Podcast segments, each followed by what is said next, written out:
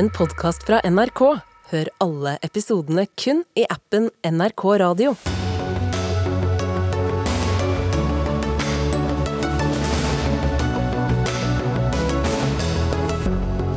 Knallhard kritikk av samrøret mellom politiet og Norsk Narkotikapolitiforening, som er en lobbyorganisasjon. Et forhold som kan ha gått på bekostning av tilliten til politiet, mener utvalg i fersk rapport.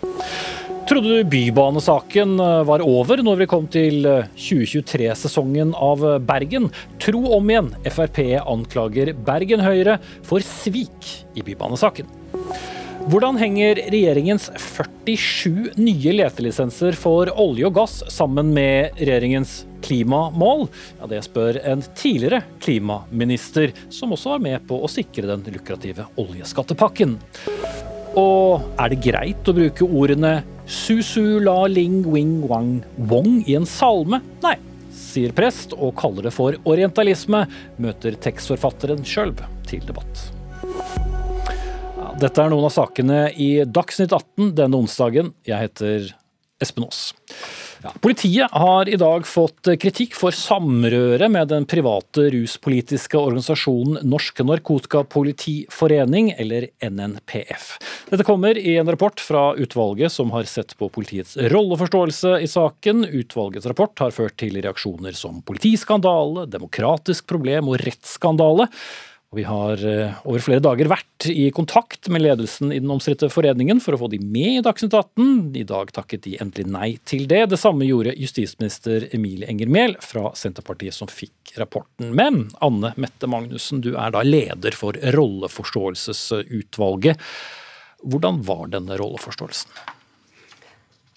Um denne rolleforståelsen, det vi har pekt på, er vel at den der er ikke skilt klart nok mellom det å være politi og det å være politiansatt i Norsk Narkotikapolitiforening. Det er vår hovedkonklusjon i vår rapport. At skillet ikke er klart nok. Slik at når medlemmer av denne private organisasjonen har opptrådt i det offentlige rom, så har de svært ofte opptrådt med et eller annet inntrykk av at de kom fra politiet. Det er ikke sikkert de har opptrådt som at det er inntrykk av politiet, men at det har vært en forvekslingsfare, slik at folk har kunnet oppfatte et NNPF-medlem som politi. Mm. Og det er den forvekslingsfaren vi i stor grad har påpekt. Og jeg siterer et demokratisk problem når politipraksis og øh, politi, øh, politipolitikk utvikles da av ildsjeler i en privat forening. Altså På hvilken måte blir dette både et demokratisk problem og også et rettssikkerhetsproblem? Det blir et problem fordi at når, er, når NNPF har hatt en såpass tydelig rolle både i politiets kompetanseoppbygging og utdanning og, i, i, i, og dermed også uh, i forholdet til PHS, i forholdet til kompetansegruppe narkotika, så er det samtidig sånn at de har hatt en rolle som en faglig forening, som eksperter på narkotika. Men foreningen har samtidig vært en narkotikapolitisk forening, og det gjør at skillet mellom fag og politikk blir uklart. Mm. Denne foreningen ble stiftet i 1991, 30 år etter blir de sett eh, da i, i sømmene, og, og, om hvorvidt det har vært et samrøre. Burde politiet selv sett dette? Eh, det vi sier er jo at det har vært en manglende refleksjon rundt rollen som faglig organisasjon og rollen som en politisk organisasjon. Det forholdet har vært der hele tiden. Men det er jo først nå at søkelyset i så sterk grad er blitt rettet mot det som et problem. Noe av det kan jo ha sammenheng med at det for 30 år siden var et større sammenfall i oppfatninger rundt virkemidlene i narkotikapolitikken, mens vi nå i større grad står i en brytningstid hvor ulike oppfatninger eh, råder. Mm. Og kanskje det er oppfatninger som nå i mindre grad er i samsvar med NNPF sine oppfatninger, Dermed blir det et problem at den foreningen har hatt en såpass dominerende rolle mm. innenfor men, men da mener du også forståelsen av ruspolitikken? Altså at deres forståelse av ruspolitikk er litt på siden av den uh, andre uh, har? jeg sier ikke noe om det er på siden av, jeg sier at det er et annet syn. Mm. Og det er viktig at politikk bygges på ulike syn, at de får komme frem i debatten. Og når NNPF har hatt en såpass dominerende rolle, når debatten har vært kjennetegnet av veldig harde fronter, folk har opplevd det vanskelig å komme frem med sine syn, så blir det et demokratisk problem. Fordi offentlige organisasjoner har et særlig ansvar for at ulike stemmer skal komme frem i debatten. Og kanskje særlig de som har vanskelig for å bli hørt ellers. Så peker dere også på at eh, mediene heller ikke har vært eh, så gode på å skille her. Vi skal ikke ta den debatten nå, men jeg bare nevner det, for det er et av poengene deres. Men uh, politidirektør Benedicte Bjørnland, et samrøre som er regnet til å svekke tilliten til politiet, som da har skjedd under din vakt, som eh, vi sier. Hvordan har dette kunnet skje over så lang tid? Ja, Det har jo også skjedd på min vakt, eh, men det er jo som eh, det er påpekt her, dette er en rapport som favner over 30 år. Eh, den er usedvanlig gjennomarbeidet eh, og gir god beslutningsstøtte til meg som leder av etaten nå i fortsettelsen. Men, men Magnussen peker jo særlig på da, også her i studio nå, at det er jo særlig de senere års tid, altså din vakt, som, eh, som det burde vært lettere å sette forskjellen. Ja, jeg vil jo jeg vil også knytte det, i likhet med Magnussen, opp til at vi lever i en ruspolitisk brytningstid. Sånn at det ble ganske tydelig for meg sommeren 2021 at vi var nødt til å be om en ekstern gjennomgang av eh, praksis mellom politietaten og Norsk Narkotikapolitiforening. Eh, og Det eh, lyttet departementet til, og de har bedt om å få en vurdering og en, og en gjennomgang, og det har de fått.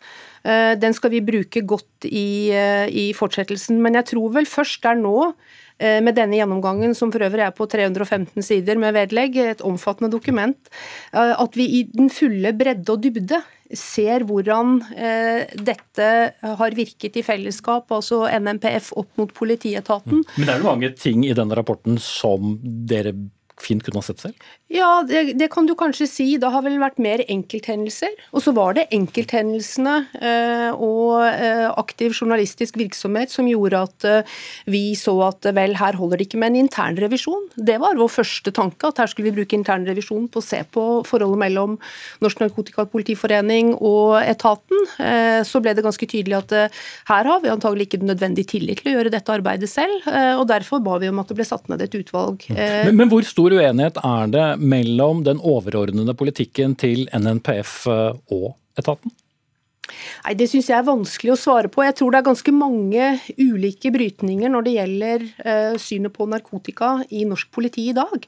Men, Men ville de som er, altså vil politifolk, også ledende politifolk som er medlem av NNPF, bli påvirket av den organisasjonen i sitt arbeid? er vel egentlig Det, det jeg Det kan vi jo på en måte ikke utelukke. Det jeg er mest bekymret for, er jo det at uh, hvis man har vært ute, uh, holdt foredrag, gjort en jobb for NMPF, som frivillig, eh, at, man, at det etterlatte inntrykket hos de man har holdt et foredrag for, enten det er foreldre, eller det er eh, andre frivillige, eller det er eh, utelivsnæring, at man uttaler seg som politiperson. Mm. I uniform, med hund? Ja, altså nå er det noen enkelthendelser som er pekt på.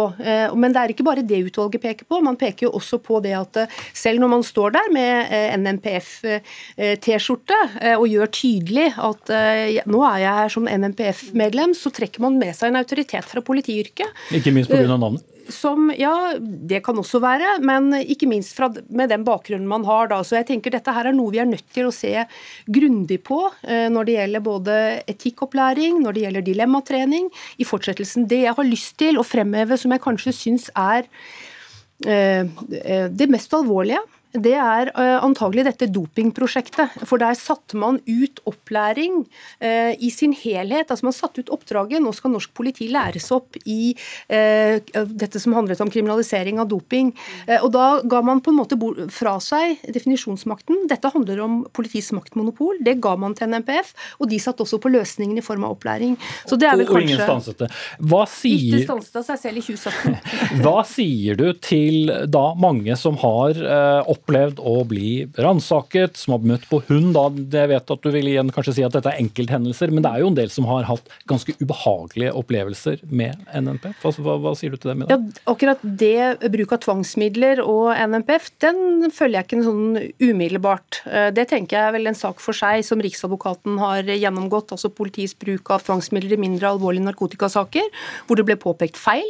Eh, så er det gjort en revisjon til, eh, og hvor tilstanden er en helt annen og mye bedre. Men utvalget peker jo på at kanskje denne opplæringen knyttet til doping, at man også der har på en måte ikke hatt nok bevissthet på at det skal være forholdsmessig bruk av tvangsmidler. Mm. Så det er noe vi tar med som et viktig læringspunkt. Helt til slutt, Bjørnland, hvilket ansvar mener du selv at du har? Nei, jeg har det ansvaret jeg har som politidirektør uh, her og nå. Ja? Og, og jeg tenker jo det at uh, jeg kan ikke svare for ting som har skjedd for 20 år siden, men jeg skal svare for ting som har skjedd på min vakt. Uh, og det gjelder hele etaten. Ansvaret er mitt for det som skjer i min etat. Også om det skulle få konsekvenser for deg? Ja. Ok, takk, takk du ha. Benedicte Bjørnland, du vil ikke være med i diskusjonen med politikerne, som kommer eh, fra henholdsvis eh, Frp, Per-Willy Amundsen, stortingsrepresentant og leder av justiskomiteen, og Andreas Skjalg Unneland, stortingsrepresentant fra SV, medlem av justiskomiteen. Eh, kortfattet din reaksjon på funnene i rapporten, Unneland? Dette er svært alvorlig, og det vi har fått eh, svart på hvitt, det er noe folk har egentlig ropt ut om i, i, flere år. Men nå har vi fått det i en eh, grundig rapport som sier at NNPF har eh, misbrukt tilliten politiet har, og den autoriteten man har som politi, for å fremme sine egne interesser. Altså De har stilt opp på skoler i, i uniform når de har vært på, på, oppdrag fra NNPF og ikke fra politiet. De har vært i kontakt med kommuner der kommuner har opplevd at det er politiet hvor, hvor ligger ansvaret for dette? NNPF har vel utnyttet det handlingsrommet som er der, som enhver lobbyorganisasjon eh, ofte gjør? Altså til, til syvende og, og, sist så ligger jo ansvaret hos, eh, hos, politisk ledelse. og Vi forventer jo at justisministeren rydder opp i dette. Det er en rekke tiltak som, som fremmes i denne eh, rapporten. Men eh, jeg, jeg synes det er viktig å si at sånn, dette er ikke bare enkelthendelser. og Det sier denne rapporten ganske tydelig at dette er systematisk og har gått over lang tid. Det er i sånn, møter med det offentlige der man opplever at det er, en, er politiet man snakker med. De har fremmet et utdatert syn på, på ruspolitikk, og de har drevet en opplæring av politiet som bryter med norsk lov, og som heldigvis Riksadvokaten har ryddet opp i, men det er svært alvorlig. Mm. Per Amundsen, eh, vi fikk jo ikke dagens justisminister hit, men du har jo vært eh, justisminister. Hvis du hadde vært justisministeren som fikk denne rapporten i dag, hva ville du gjort med den? Det er klart at det er viktig å ha eh, tydelige linjer og skille mellom politiet som etat og det som er en organisasjon. Eh, og Det har for så vidt vært eh, langt fremme i debatten lenge. Jeg opplever at eh, den rapporten som er levert fra utvalget, er grundig og god, og peker på egentlig mange av de forholdene som har vært diskutert. Men, er det, Men er det et bestillingsverk? Altså, som du har brukt som et ord? Altså, jeg mener at det er veldig påfallende at de som eh, tapte Stortingets behandling av eh, den såkalte rusreformen, eh, har eh, brukt veldig sterke ord, eh, veldig sterke angrep på Norsk Narkotikapolitiforening, eh, usaklige sådan, og som går over i det politiske. Men dagens to regjeringspartier var jo på din side i den saken? Det betyr jo ikke nødvendigvis at vi er enige med dem. Eh, Fremskrittspartiet sammen med eh, dagens regjeringspartier stoppa eh, denne reformen. Og det er altså, som jeg sier, påfallende at de som tapte, de valgte å gå etter Norsk Narkotikapolitiforening så tydelig som de har gjort. Godt hjulpet av Men, men dette er et utvalg som har så, laget rapport? Så ble det, ble det etter hvert satt ned et utvalg av forrige utenriks, justisminister. Men så er det viktig for meg å understreke Norsk Narkotikapolitiforening har gjort en særdeles viktig jobb for å forhindre at våre, våre unge havner ut i narkotikaelendigheten. Så de har og, opptrådt riktig og gitt et nei, riktig bilde? Nei, nei det er viktig å, å, å, skille her. Eh, så tenker jeg at, at eh, de læringspunktene som har kommet frem, eh, de er riktige og, og greie å forholde seg til. Men det å snakke om at dette er en slags politiskandale, det er altså å bruke adjektiv som ikke hører hjemme i det hele tatt. Og det har man heller ikke grunnlag for å hevde. Jeg, jeg synes det er, er, spesielt å høre en tidligere justisminister som har, denne, eh, som har sett denne rapporten og ikke syns at det er sterk kritikkverdig mye av det NNPF har gjort. Et av de eksemplene som blir trukket frem, er at eh, når de er på NNPF-konferanse i Haugesund, så drar to av politibetjentene eh, inn i en butikk. Eh, de ber de fjerne varer med rusliberale eh, uttrykk, og skryter av det i medlemsbladet etterpå. Og Det, det legges frem her at det, det, kan være snakk om ulovlig misbruk av polititittel. Det er snakk om at de har fått penger fra politiets driftsbudsjett. Det har vært et samrøre mellom disse organisasjonene. De har drevet aktiv eh, kampanje og arbeid for å trenere en realitetsorientering og naturlig utvikling av norsk eh, narkotika- og ruspolitikk. Og det her jeg synes jeg Man burde ta på det aller største alvor og sørge for at det blir ryddet tilstrekkelig opp i. Det er riktig, det er riktig at de har et politisk syn som ikke er i tråd med SVs politiske syn hva gjelder norsk narkotikapolitikk. Men det er også et flertall i Stortinget, flertall i befolkninga, som støtter en videreføring av det som har vært norsk narkotikapolitikk lenge. Vil du si at domstolen også gjør det? Så, så, så har altså Stortinget sagt nei til eh, reformen.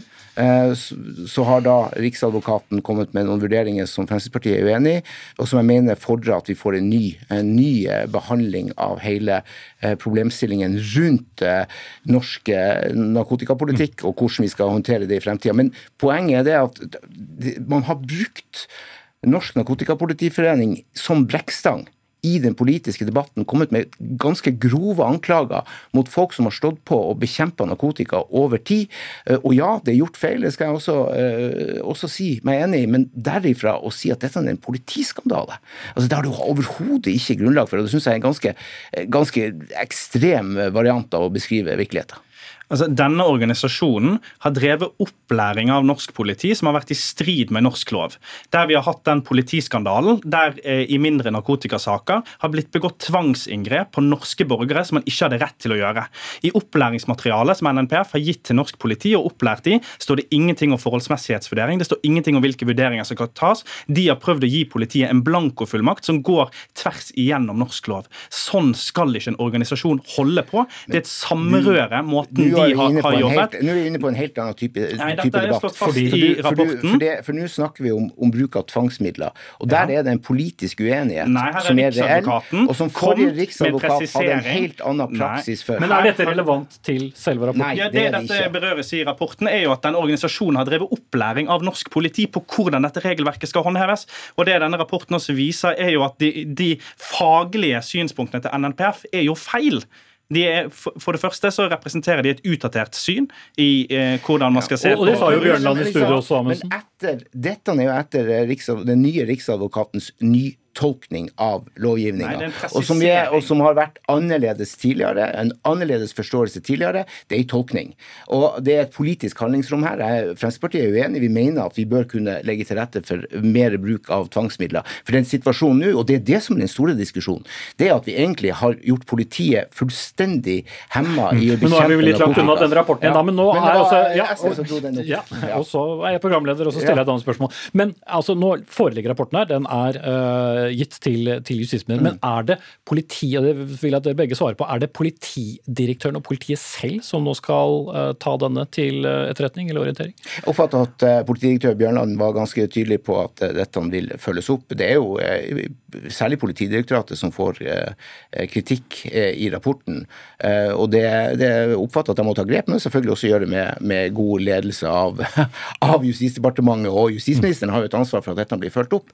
Men igjen, det, det er viktig å skille fordi at eh, Det høres jo ut omtrent som at det, som, som du snakker om skandale. høre ditt svar også, Underland. Er, det, er Bjørnland da den rette også til å rydde opp, når hun selv erkjenner at eh, hun ikke har vært sitt ansvar bevisst på sin makt? Altså, Politiet må rydde opp internt, men vi forholder oss til justisministeren og kaller justisministeren inn til Stortinget for å redegjøre for denne rapporten og hvordan den vil bli eh, fulgt opp. Og så må, må, jeg få lov til å si at Denne organisasjonen her har også opptrådt ekstremt barnslig i møte med, med granskningsutvalget. med utvalget som har sett på det. De har nektet, å, nei, de har, de har nektet å utlevere informasjon som har trenert arbeidet, som gjorde at man måtte forlenge fristen og gi ekstra ressurser for at de skulle kunne gjøre jobben sin med å granske en organisasjon som har et samrøre med Nå snakker dere så mye i munnen på hverandre, og jeg gjør det også, at jeg vet at de som ser på eller hører på dere hjemme får litt høy puls. Så vi runder av der. Det kommer helt sikkert til å bli flere etterspill eh, fra denne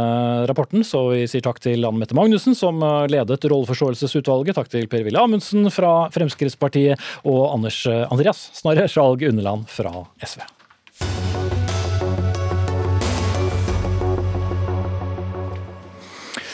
Gårsdagens 47 tildelinger av letelisenser for olje- og gassutvinning har ført til mange reaksjoner, både fra de mest åpenbare, som miljøvernorganisasjoner, men også fra flere partier på Stortinget. 25 oljeselskaper har fått tilbud om eierandeler i disse lisensene, færre enn tidligere, men like fullt, norsk sokkel skal utvikles, ikke avvikles. Ordene tilhører olje- og energiminister Terje Aasland fra i går. Men disse tildelingene forstår ikke du så mye av, stortingsrepresentant Ola Elvestuen fra Venstre?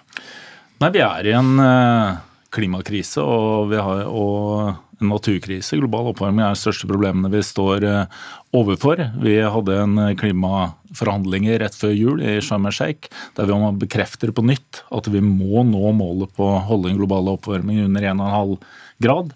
Da må utslippene ned, og de må ned fort. Vi må ha en klimanøytral verden i 2050.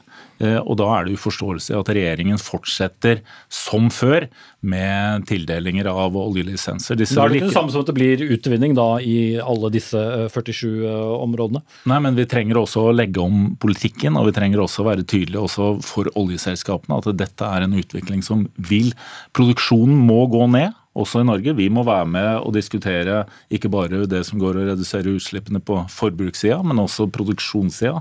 Den må ned. Eh, og det her sånn gir du da tillatelser. De vil ikke kunne komme i gang med produksjon før ut på 2030-tallet. Eh, og jeg tror at det vil være også tvilsomt om mange av disse vil kunne bli lønnsomme. Ok. Statsråden selv hadde ikke mulighet til å delta i Dagsnytt 18, så du vant gullbretten, statssekretær Amund Vik. Hvorfor trenger vi mer olje og gass i tillegg til å gi fra oss 30 eh, milliarder kroner i skatt? Nei, jeg tror Det som er viktig med gårsdagen, er jo for det første så har jo regjeringen sagt eh, hele tida, og står i Hurdalsplattformen, og det var også en stor del av valgkampen, at her ønsker vi å, å videreutvikle norsk sokkel. Både for å bygge inn i nye områder som CCS, hydrogen, som vi snakka om tidligere i uka, men òg for å fortsette å produsere eh, olje og gass til et marked som akkurat nå virkelig trenger det, men hvor vi òg ser at det vil være behov i omstillinga for olje og gass i lang tid framover. Vi tenker jo ofte på, på olje og gass eh, som, som, noe som bare dreier seg om transport eller energiproduksjon til, til stikkontakten, men det er òg en veldig viktig del i, i, plastikk, i industrien som produserer andre varer, og i men, men harmonerer det da med de samme klimamålene som den regjeringen du eh, jobber for når det gjelder målene for 2030 og 2050, når man gir lisenser for uh, olje og gass? Heng, uh, altså, er, det sammenheng ja, det, mellom de to tingene? Det syns jeg absolutt. Jeg tror jo nå, den situasjonen vi er nå, men nå framover, så ser vi at det vil være behov for produksjon av, norsk, av olje og gass framover. Vi vet at det kommer det til å være også når vi går mot klimanøytralitet og når vi går for 1,5-gradersmålet, så vil det være behov også i andre sektorer enn bare de klassiske energisektorene. Og da er Det jo viktig, det er jo ikke uvesentlig hvor den oljen kommer fra. Det er viktig at det kommer fra land hvor produksjonsutslippene er lave, hvor utslippet per fat er lavt. Det vet vi at vi har i Norge å jobbe med det. Oljenæringa og regjeringen og Stortinget for øvrig har jo ambisiøse målsetninger for å redusere utslippene fra produksjon av olje og gass i Norge. og Det er, det er kjempeviktig. Men at det er viktig at land som er eh, si, eh, i vår interessesfære, da, eh, produserer olje og gass også i, i den omstillingsperioden, tror jeg er kjempesentralt. Ja, problem. Problemet er at i verden så har du funnet dobbelt så mye olje og gass allerede som det vi kan hente opp. Bare halvparten av det som er funnet, det kan hentes opp.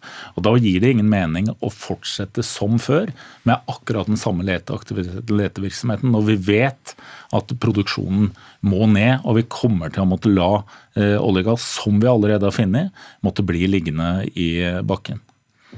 Altså det, er jo ikke, igjen, det er ikke uvesentlig hvor og til hvilket utslipp og hvilken kostnad den olje og gassen som er funnet, eh, blir produsert. Sant? Det vi så eh, nå i en periode, har det vært underinvestert i å sette felt i produksjon. Så selv om selv om etterspørselen går ned, så faller produksjonen i perioder rundt omkring i verden raskere enn det. På norsk sokkel så ser vi at produksjonsprofilen er synkende. Selv om vi skulle finne masse nå i disse rundene, så vil jo norsk sokkel produsere ganske jevnt fram mot 2030, og så ganske dramatisk falle. Men alle disse 47 eh, lisensene vil jo skje etter all sannsynlighet etter 2030? hvis de skal Jo, men det vil jo ikke være nok det til å, til å kompensere for at de reservene vi nå produserer vil bli mindre og mindre og mindre over tid. Og fra 2030 så går dette ned. Men, men for oss jo, vi sier jo det at eh, bare halvparten av det vi allerede har funnet, kan, eh, kan, hentes opp.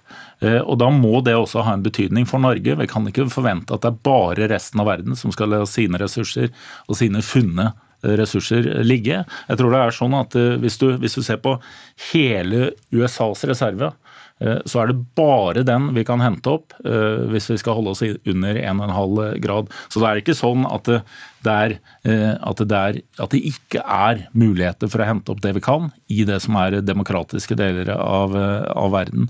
Så jeg synes at det her sånn bruker man på en måte en argumentasjon, at det er unikt i Norge. Men det vi må gjøre, er at vi må ta inn over oss at for å nå 1,5 grad, så er det funnet for mye olje. Vi må få ned Vi kan ikke hente opp alt det vi har funnet, og da må vi også ta en del av den diskusjonen i Norge.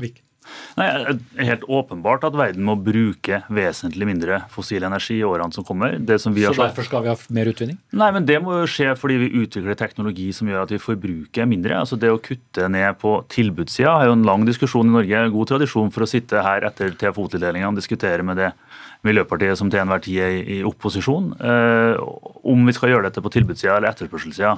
Det vi ser nå, er jo det helt åpenbart sånn at mer elbiler mer hydrogen, mer eh, fornybar energi kommer til å føre til kraftig reduksjon av forbruket. Men i det scenarioet så er det jo ikke uvesentlig at eh, de ressursene som produseres med lave utslipp nært det europeiske markedet, åpenbart også har en rolle å spille i mange år som kommer. Ja, Men vi må produsere mer gass nå, fordi Europa trenger det, og vi trenger det nå. Eh, men vi vet også at omstillingen til fornybar energi, den reduksjonen som vi trenger å ha, den kommer til å gå mye raskere enn det man har sett for seg tidligere. Rysta Energy er jo en av de som nå viser hvordan å tro på at vi kan holde 1,5 grad, fordi teknologiutviklingen går så fort som den gjør. Mm. Eh, og mitt, min altså, forundring over regjeringa er at man opptrer som om man ikke tror på at det er mulig å holde 1,5-gradersmålet. Fordi da må endringene, og de vil skje så fort, at de investeringene eller de, den leteaktiviteten du setter i gang nå, som ikke vil kunne være klar før langt utpå eh, 30-tallet, ikke vil kunne ha en plass innenfor den eh, produksjonen som er mulig innenfor 1,5-gradersmålet.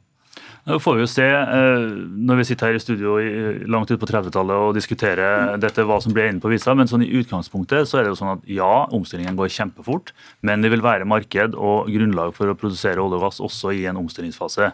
Det andre å si er jo at ja, omstillingen går veldig fort på elbiler, det produseres mye fornybar energi, men vi må også ha plastikk, vi må ha gjødsel, vi må ha veldig mange andre ting som samfunnet og verdensøkonomien bygger på. men det bestemmer vel ikke de som utvinner oljen?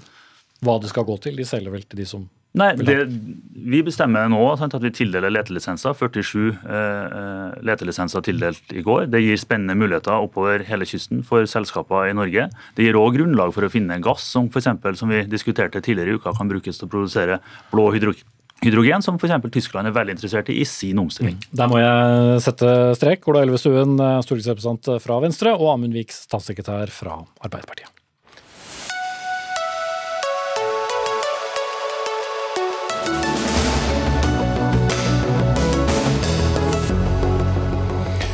Det britiske helsevesenet regnes på mange måter som en slags eh, far, eller mor om du vil, for det offentlige helsevesen i mange av verdens land, også Norge, men nå knaker det i sammenføyningene for alvor, med flere hundre unødvendige dødsfall hver uke pga. lang ventetid. Vi skal direkte til London litt senere i Dagsnytt 18. Eh, men vi skal vestover nå også, for heller ikke i 2023-sesongen av Bergen unngår vi debatt om Bybanen. I over et tiår har spørsmålet om hvorvidt Bybanen skal gå over den UNESCO-listen Bryggen splittet bergenspolitikken, men med én stemmes overvekt ble det jo i 2021 flertall for å legge traseen over nettopp Bryggen. Men ikke alle har gitt opp eh, kampen eh, mot eh, dette, herunder Frp i Bergen, som nå mener at Høyre svikter velgerne sine i bybanesaken. Bakgrunnen er en artikkel i Bergens Tidende hvor det står at Høyre er i ferd med å gi opp kampen for en banefri brygge. Marte Monstad, byrådslederkandidat for Frp i Bergen. Hvordan har Høyre gitt opp kampen? I programmet som Høyre styrer på i dag, så har jo de en veldig tydelig formulering om at eh, Bryggen skal være banefri. Eh, en formulering som de nå foreslår å kvitte seg med. Eh, Istedenfor så ønsker de nå å bygge bybane uavhengig av trasé. Mm. Det kan vel hende at Høyre var til stede i den avstemningen der det var et flertall for å legge den over Bryggen? Ja, men tingen er i hvert fall at eh, situasjonen er den at vi, vi kan havne inn eh, i en, en, situasjon der hvis, hvis Høyre sitt nye program nå blir vedtatt, der de skroter denne formuleringen, så gir jo det Høyre fritt spillerom da, til å ofre Bryggen i forhandlinger med f.eks. For Venstre og KrF eh, rett etter eh, valget. En mistanke som absolutt styrkes av at Kristine Meyer, som er byrådslederkandidat for Høyre, sine tidligere uttalelser, der hun her har stått på Dagsnytt 18 og sagt at Høyre da er villig til å belite seg og akseptere en bybane over Bryggen. Og Vi mm. ser jo hva dette handler om, nemlig å gjøre seg attraktiv for småpartier som Venstre og KrF, som har fått lov å diktere i denne saken altfor lange. Okay. og som dessverre dessverre har fått blokkere for eh, folkeviljen i snart åtte år. Alltid hyggelig å høre belite ordet komme tilbake til Dagsnytt 18. Charlotte Spurkeland, leder for Bergens, Bergen Høyres programkomité. Uh, ville du brukt de samme brillene når du leste eget uh, program som din uh, politiske motstander her? Nei, jeg ville jo ikke det. Og så tenker jeg jo, Tenk hvor deilig det hadde vært hvis at bergensere kunne møtes i et Dagsnytt 18-studio for å diskutere noe annet enn Bybane over Bryggen. Det skulle tatt seg ut. Eh, for det er jo litt eh, Vi blir jo på en måte litt sånn parodi på oss selv noen ganger. Uh, uh, nei, altså Vi har diskutert denne saken i over ti år i Bergen. Uh, og det vår programkomité har snakket om, at altså, nå må dette bybanespillet ta slutt. Jeg tror veldig mange bergensere er lei og trøtt av denne debatten. Eh, og situasjonen er nå eh, at kostnadene virkelig har eskalert for banen. Så uansett om man ønsker å bygge en bane over Bryggen eller i en tunnel, så er det et urealistisk prosjekt. De siste kostnadsanslagene viser at den skal koste 22,5 milliarder kroner. Men Betyr det at ikke dere lenger har noen mening om hvorvidt det er greit at den går over Bryggen? Eh, altså Vi kommer til å stemme mot at eh, man skal regulere en bybane over Bryggen når dette kommer opp i vår. Så Vi står jo fast på vårt eh, primærstandpunkt, men vi sier at altså, vi kan ikke dra denne saken inn i enda en valgkamp. Når realiteten er at det, altså, for utfallet, for selve kollektivtilbudet i Åsane, så har det ikke så mye å si, all den tid man ikke har penger til å bygge en bybane uansett. Mm. Så vi kan, altså diskutere det... denne saken frem og tilbake igjen. Sant? Vi vet ikke hvor mye staten vil bidra med. Den rød-grønne regjeringen har vært veldig uklar klar. Eh, og så vet vi at man måtte ha en massiv eh, økning i bompengene hvis man skal få til en bybanebygging. Okay. Men, men Marte Monstad, ja. dere mener at man absolutt kan fortsette å bruke tid på dette? tydeligvis. Nei, altså Fremskrittspartiet ønsker jo utgangspunktet ikke å bygge Bybanen til Åsane, rett og slett av den grunn at det er blitt for dyrt. Eh, nå er jo vi oppe i en kostnad som Charlotte Spurkland er inne på, på 22,5 eh, milliard kroner. Snart har dere en Follotunnel-verdi eh, på Bybanen? Ja. ja, og verre skal det bli, for dette er jo bare i 2022-kroner. Eh, og Hvis den spaden noen gang blir satt i, i jorden, så blir det langt dyrere enn en som så også. Så det er absolutt positivt at Høyre har begynt å, å diskutere eh, prisen på Bybanen, og om dette dette er det hele tatt noe man har penger til å bygge.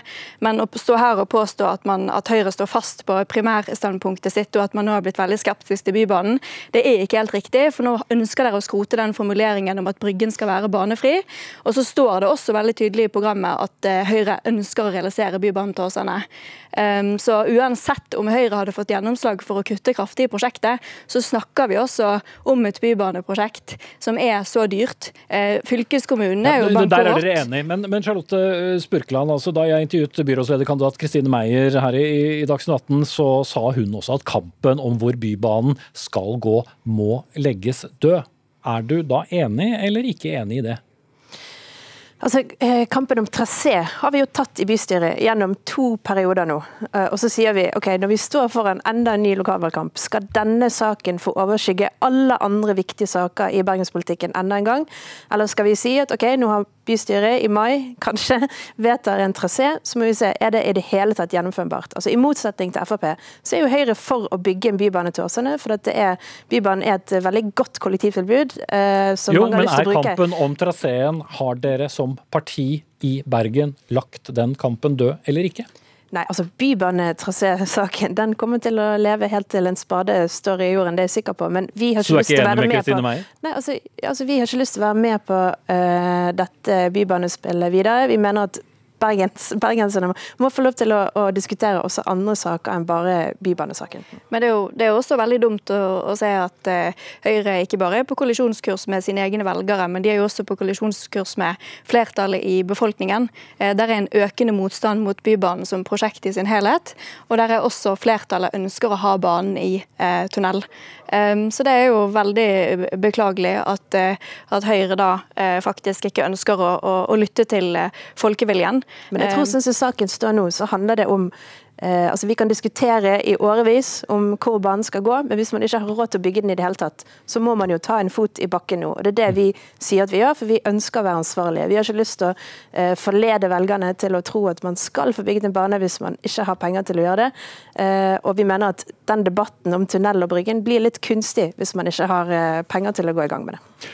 Kort til slutt, eh, Monstad. Det er jo vært flertall for et eh, borgerlig eh, byråd i, etter valget i, i september på, på målinger bl.a. i Bergens Tidende i, i høst. Kan dere samarbeide med Høyre med den programformuleringen som står der nå?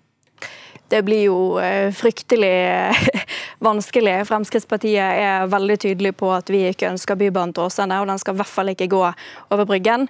Eh, og Vi hadde jo håpet at, at Høyre, nå når vi ser at Frp ligger an til å bli den største og viktigste samarbeidspartneren, faktisk var villig til å sette seg ned, og, og at vi endelig faktisk kan få gjennomført og lytte til folkeviljen, som faktisk er at Bybanen ikke skal gå over Bryggen. Ok, Marte Monstad, byrådslederkandidat for Frp i Bergen. og Charlotte Charlotte Spurkland, leder for Bergen Høyres programkomité. Jeg skal eh, takke dere av, men vi skal ikke gi oss helt med denne saken. For eh, hadde vi stablet oppå hverandre alle aviser eh, og avisartikler som er skrevet om denne saken, så kunne vi vel gått tørrskodd til månen, hvis det hadde vært et uttrykk. Vi skal ta med oss nå kommentator i Bergens Tidende, Gerd Kjellflot. Dette har jo dere fylt avisen med i, i lang tid. Hvorfor stopper den ikke? Uh, si da. Det her er jo på en måte den viktigste skillelinjen i bergenspolitikken. har vært det i ti år nå, om uh, partiene er for eller imot en bybane langs Bryggen. Og da er det veldig vanskelig å komme forbi den, fordi den avgjør på en måte hva partier som, som samarbeider med hverandre, og dermed hvem som får makt. Men av alle som har fått med seg alle disse rundene, ikke minst her i Dagsnytt 18 rundt denne bybanen og dramatisk avstemning med én stemmes overvekt, når er det dette da egentlig blir avgjort? Det er jo i hvert fall eh, viktig, en viktig ting som skal skje i vår, nemlig at reguleringsplanen eh, skal vedtas. Eh, og Vi hører jo her at Høyres Charlotte Spurkeland ser at da ønsker de egentlig ikke en ny omkamp å gå inn i nok en valgkamp der denne saken dominerer alt. og Det, det er jo viktig. Og så har vi jo også snakka her, her i dag om de voldsomme kostnadene. og Det er vel egentlig det som gjør at denne saken er, er, er mer usikker enn noensinne. fordi Eh, en kan vedta en reguleringsplan, men hvis ingen eh, til slutt vil betale for den, så fortsetter jo denne saken å rulle. Så var vi innom at det ligger an til et borgerlig flertall i Bergen etter valget dersom meningsmålingene skulle holde hele veien frem eh, til høsten. Men det var vel ikke et helt supert klima i denne saken mellom Frp og Høyre nå? Det er det jo ikke.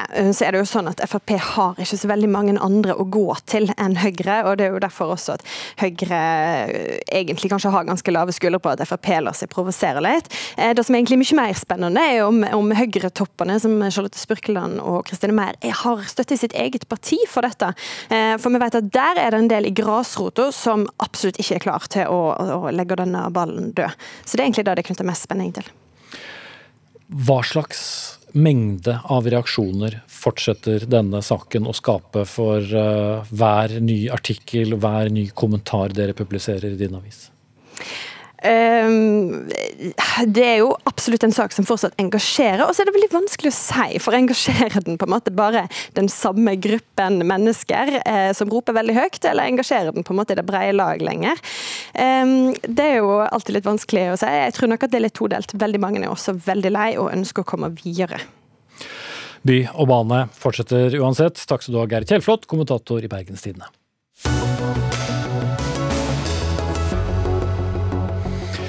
Er du klar for å flytte inn i et eh, nytt hus som er bygget med gjenbrukte materialer? Ja, om Høyre får det som det vil, så vil det bli innført nye krav til andel ombrukte, gjenvunne og fornybare materialer ved nybygg og ombygging allerede fra 2025, altså om to år, hvis du sitter på klokka. Men stortingsflertallet sier nei når forslaget behandles i morgen, med regjeringspartiene i spissen. Mathilde Tubring-Gjedde, medlem av Stortingets energi- og miljøkomité fra Høyre. Hvorfor er dette nødvendig? Bygg- og anleggsbransjen i Norge står for eh, to millioner tonn avfall hvert eneste år. De står for 15% av klimautslippene. Og samtidig så sløser vi veldig mye med naturressursene våre. Det er et overforbruk, og det er ikke bærekraftig. Eh, og Derfor har vi foreslått eh, disse kravene, men som vi skal utforme i samarbeid med bransjene. Og Jeg må si at jeg ble ganske overraska i kontakt med byggebransjene, for de er veldig ambisiøse. Altså, de ønsker og ber myndighetene, som Gjelsvik og regjeringen, til å komme på banen og fase inn krav fra 2025, fordi at det skal være forutsigbart, og fordi de vet at det vil lønne seg. Men, men hva slags krav er da realistisk sett med Høyres øyne? Nei, altså Vi skal ikke fastslå kravet her og nå. Jeg syns det er klokt å gå sammen med eh, bransjen for å finne ut hvor det skal ligge. For det skal jo ikke øke kostnadene, men det skal sikre at markedet begynner å omstille seg.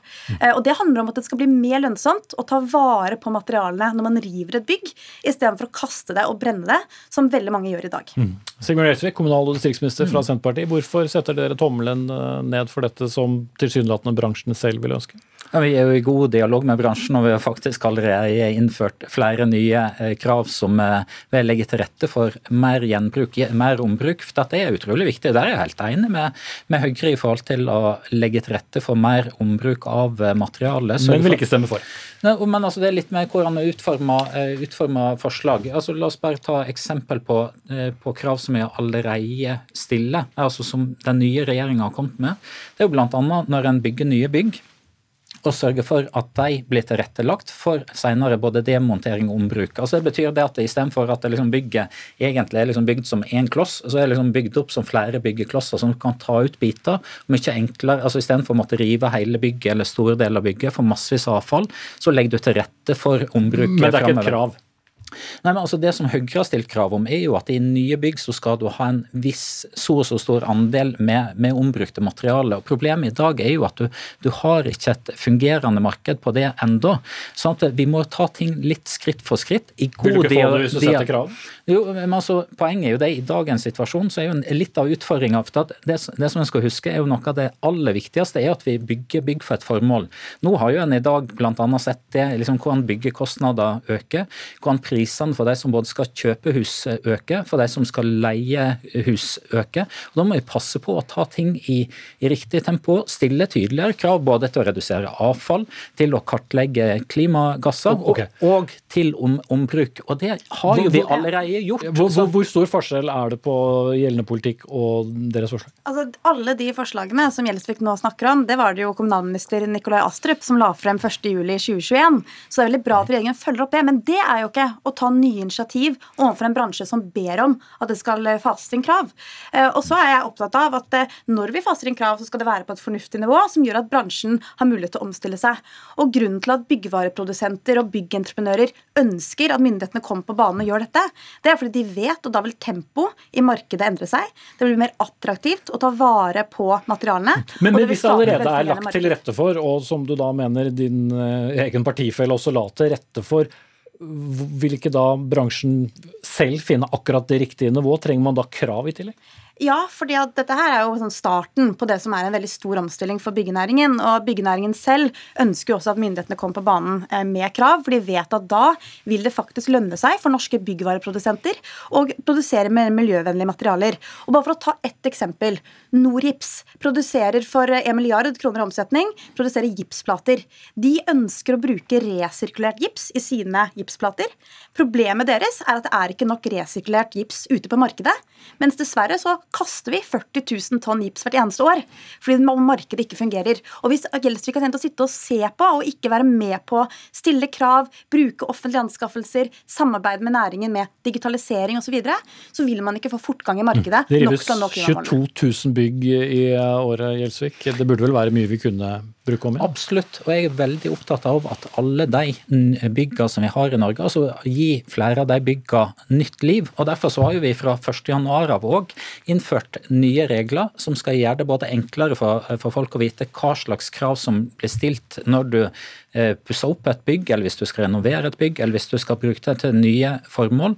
Og gjøre det enklere å ta i bruk og nye, eh, gamle bygg til nye formål, så lenge som det oppfyller grunnleggende krav til helse, miljø og sikkerhet. Og Kunne har, du ikke da hatt krav i tillegg til det?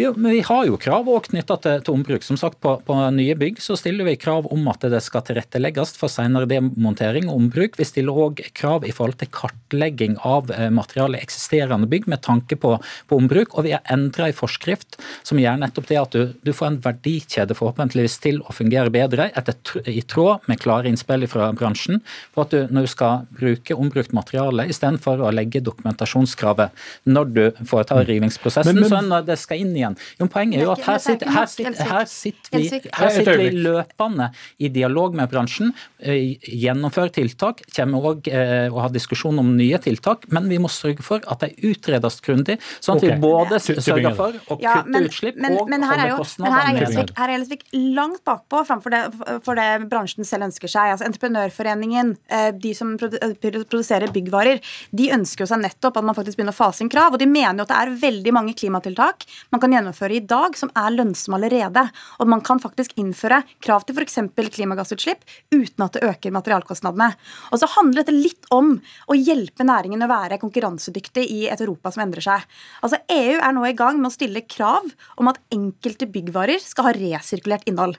De er i gang med å stille krav om at man skal ha økt materialgjenvinning. Og nettopp derfor så ønsker norske byggvareprodusenter og norske entreprenører å være forut. for Men hvis så mange ønsker oss, så forstår jeg ikke hvorfor ikke dette markedet skapes av seg selv, slik markeder gjerne gjør. Gjerne slik Høyre ser på markedet. Fordi Foreløpig så lønner det seg og er enklere å kaste eh, og deponere det når man river et bygg, enn å sende det til materialgjenvinning. Og det ødelegger jo nettopp for norske byggvareprodusenter, sånn som Norgips, som ønsker å få resirkulert gips, men, men, men, som ikke har markedet til det nå. Vi øker jo kravet til sortering av eh, avfall, men poenget er, det, poenget er jo det at vi må jo òg sørge for å ha to tanker i hodet samtidig. Populært.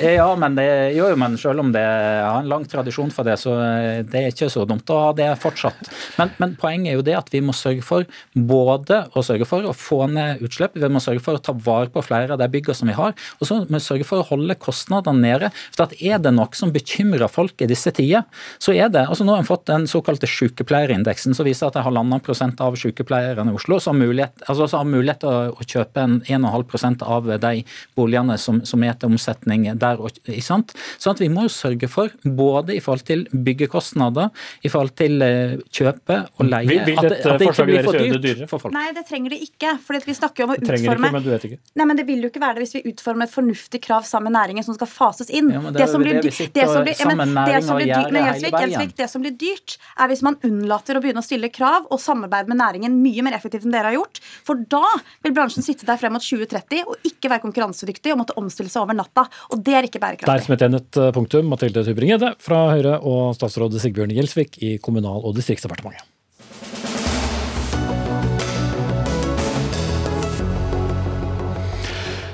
I det året det fyller 75, har knapt helsetilstanden til det britiske helsevesenet NHS vært dårligere enn nå. Skjønt enda verre er det med britiske pasienter. I Storbritannia dør 500 mennesker unødvendig hver uke.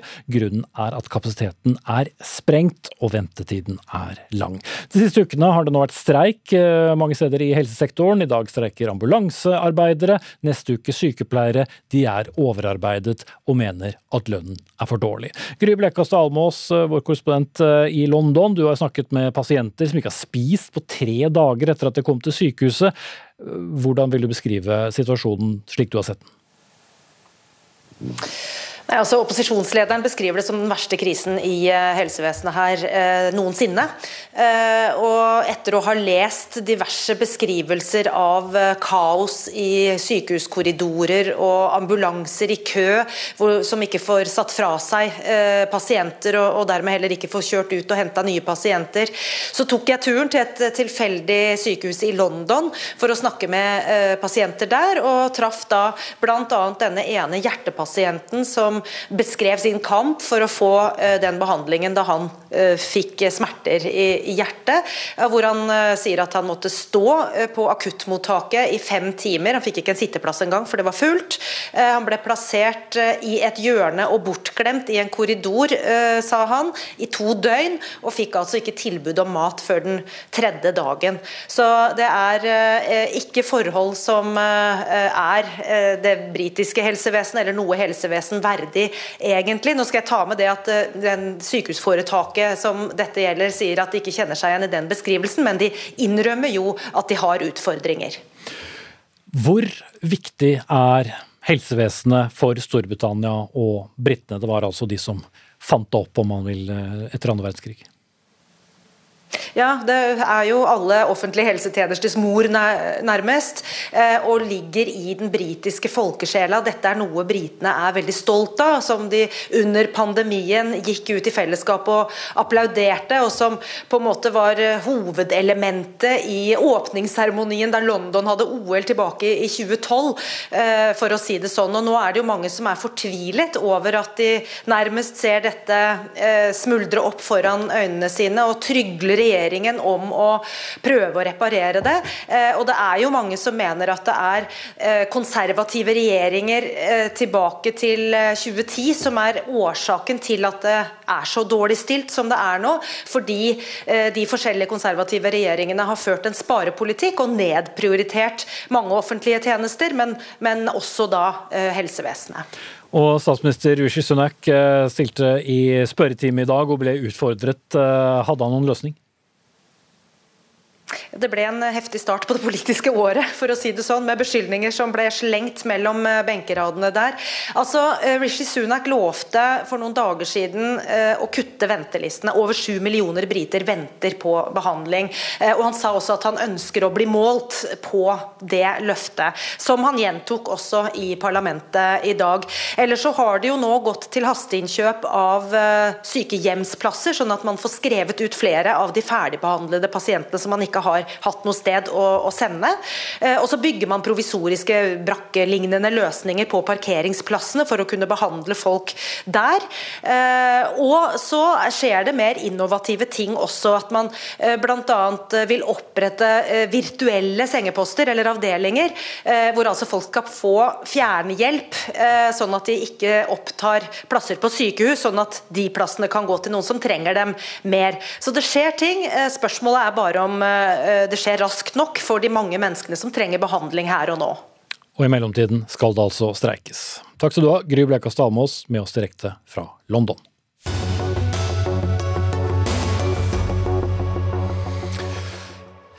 Så skal det handle om eh, salmer ved sendingens eh, slutt. Ifølge mm, avisen Vårt Land har en rekke prester reagert på nummer 107 i salmeboken. Det er barnesalmen med tittelen Vi kommer fra Østen.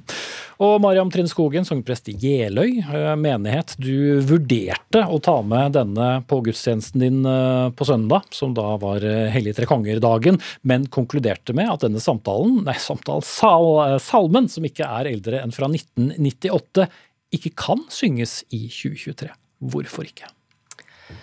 Da må vi jo se salmene inn i et større perspektiv som jeg sa før i dag, det er jo ikke pausemusikk for presten, det er teologi, og det er menigheten som synger sammen. Så hva vi faktisk synger, betyr mye. Um, og hva, hva, er det som gjør akkurat da denne uh, salmen, som uh, er da knapt 25 år gammel, vanskelig? Ja, det er dette refrenget med disse ordene som er ment å være hemmelige ord for vismennene som høres spennende ut, men som da faktisk er kinesiske ord og språk. Mm. Su, su, la, ling, wing, wang, wong. Men det betyr vel ingenting? Det gjør jo det. Gjør det det? Ja, det gjør jo det. Ja, Hvordan da? Ja, altså, Jeg snakker ikke kinesisk, men jeg har faktisk slått opp for å sjekke om det betyr noe, og det gjør det jo. Så, men, mm. men, men, bare forklar hvorfor de ordene er så vanskelig da å bruke i en salme, før vi faktisk skal få inn forfatteren sjøl. Ja, Det er jo det større bildet her med kirken, kirkens historie og um, kirken i dag. Hvordan vi er nødt til å begynne å lytte mer enn vi prater. Og ta på alvor at mange har opplevd um, å bli diskriminert, støtt, um, rasisme, kolonialisme, imperialisme. Og det kan leses inn i disse ordene? Eh, det er i hvert fall et spørsmål om det kan det. Og siden jeg kjente at her gikk det en varsellampe, og jeg ville diskutere det litt med mine Facebook-venner, så ble det plutselig en diskusjon i kommentarfeltet, og flere var enige med meg at den bør vi droppe. Og noen også uenig. Hans Arne Akerø, du er vikarprest i Groruddalen med lang fartstid i Den norske kirke, og du har skrevet teksten og også musikken til den nå veldig omdiskuterte salmen. Hvordan uh, møter du denne kritikken fra Skogen og andre? Altså, jeg synes uh, at det er viktig med også salmekritikk. For salmer er viktige, og norske folk er veldig glad i salmer. Og vi synger jo mange salmer på gudstjenestene. Så, men jeg satte også denne salmen opp men også to andre salmer som sier, har, handler om de vise menn som kom. Altså 'Deilig er den himmel blå', som er den mest kjente, og så er det en nydelig salme av Arnfinn Haram, 'I dypeste mørke', som er flott. Men jeg tenker nok at eh, det, Jeg føler ikke at kritikken treffer. Fordi, Iallfall ikke i forhold til min intensjon. For det, det jeg tenkte med dette, var Det er en barnesalme og jeg skrev det for barnekor. Eh, og en del av barnekulturen er jo det å ha noen hemmelige ord som ikke de voksne skjønner. Men, men bare for å spørre om det, betyr, Hva betyr disse ordene? Hvorfor valgte du su, su, la, ling, wing, wang, wong? Nei, Det er lydmalende ord som skal gi en assosiasjon til noe som ligger lenger øst enn Norge. Mm. Noe eksotisk? Ja, det kan du si. Altså fordi vismennene kom jo fra Østen de er i utgangspunktet eksotiske. Eh, eh, og, men, eh, men, de fremstilles jo ikke som noen stakkarsfigurer eller latterlige figurer. Det er jo virkelig sentrale personer i vår julefeiring. Og, og nettopp dette med det eksotiske bringer oss over da til orientalisme. En bok av Edvard Said som, som spiller nettopp på Vestens forståelse av Østen da som, som noe annerledes. Og mm. dette orientalisme-ordet har du også brukt, eh, Skogen. Hva, mm. hva, igjen forsøke å, å, å, ta med ja, seerne og lytterne til, til, til, hva dette resp ja, representerer. Også min eh, fantastiske professor Halvor Moxnes har jo skrevet denne boken um, om Svarte kong. Balthazar. Og den har jeg nå lest for andre gang i forbindelse med prekenforberedelser til Hellige tre kongers dag. Og det er ikke tvil om at uh, legenden om de tre hellige konger har brukt, eh, vært brukt eh, særlig i kultur og kunst og uttrykk som svært politisk og ikke uproblematisk. Så det er klart at jeg var allerede litt i det akademisk-kritiske eh, blikket. Og hele, altså hele fortellingen, hvorfor fortelles dette? Det er jo for å bekrefte for at Jesus er frelser for hele verden. Nå skal hedningefolket komme og bøye kne for Herren som er født. Så det er jo en start på misjonstid og misjonsfokus og eh, ja, et gudsrike for hele verden, da. Og jeg tenker at med kirkens historie så må vi holde tunga litt rett i munn og være litt forsiktig og lytte mer når noen sier fra at de har uh, opplevd ting vanskelig. Kan, altså er du enig i at uh, din tekst kan leses på den måten? Jeg må jo være åpen for at eh, det, den kan leses slik. Og det er jo slik ofte med sal nye salmebøker at man oppdager ting som ikke lenger fungerer eh, av formuleringer, og oppfattes på en helt annen måte enn, enn før enn, og det som var meningen. Men jeg har litt problemer med å eh, se at dette er en slags eh, orientalisme, en karikatur av østlig kultur. Eh, disse er jo helter de tre vismennene. Men så er det barnekulturen som for meg da slår inn dette med å ha noen hemmelige ord. Eh, og, men hvis dette ikke forstås i den mening, så, så, er det klart at eh, man må se på det. Men min erfaring så langt er at unger liker jo denne salmen veldig godt. Mm. Nettopp kanskje pga. de lydene som er morsomme? Altså, vi likte jo Tre små kinesere også. Um, det er ikke så greit å bruke den lenger heller.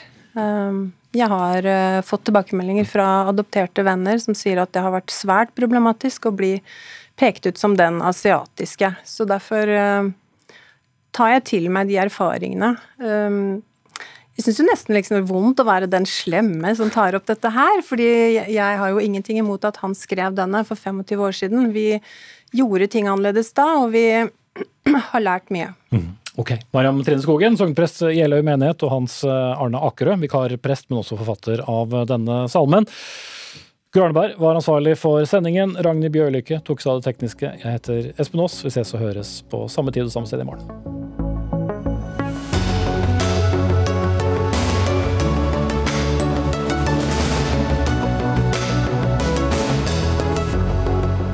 Du har hørt en podkast fra NRK. Hør alle episodene kun i appen NRK Radio.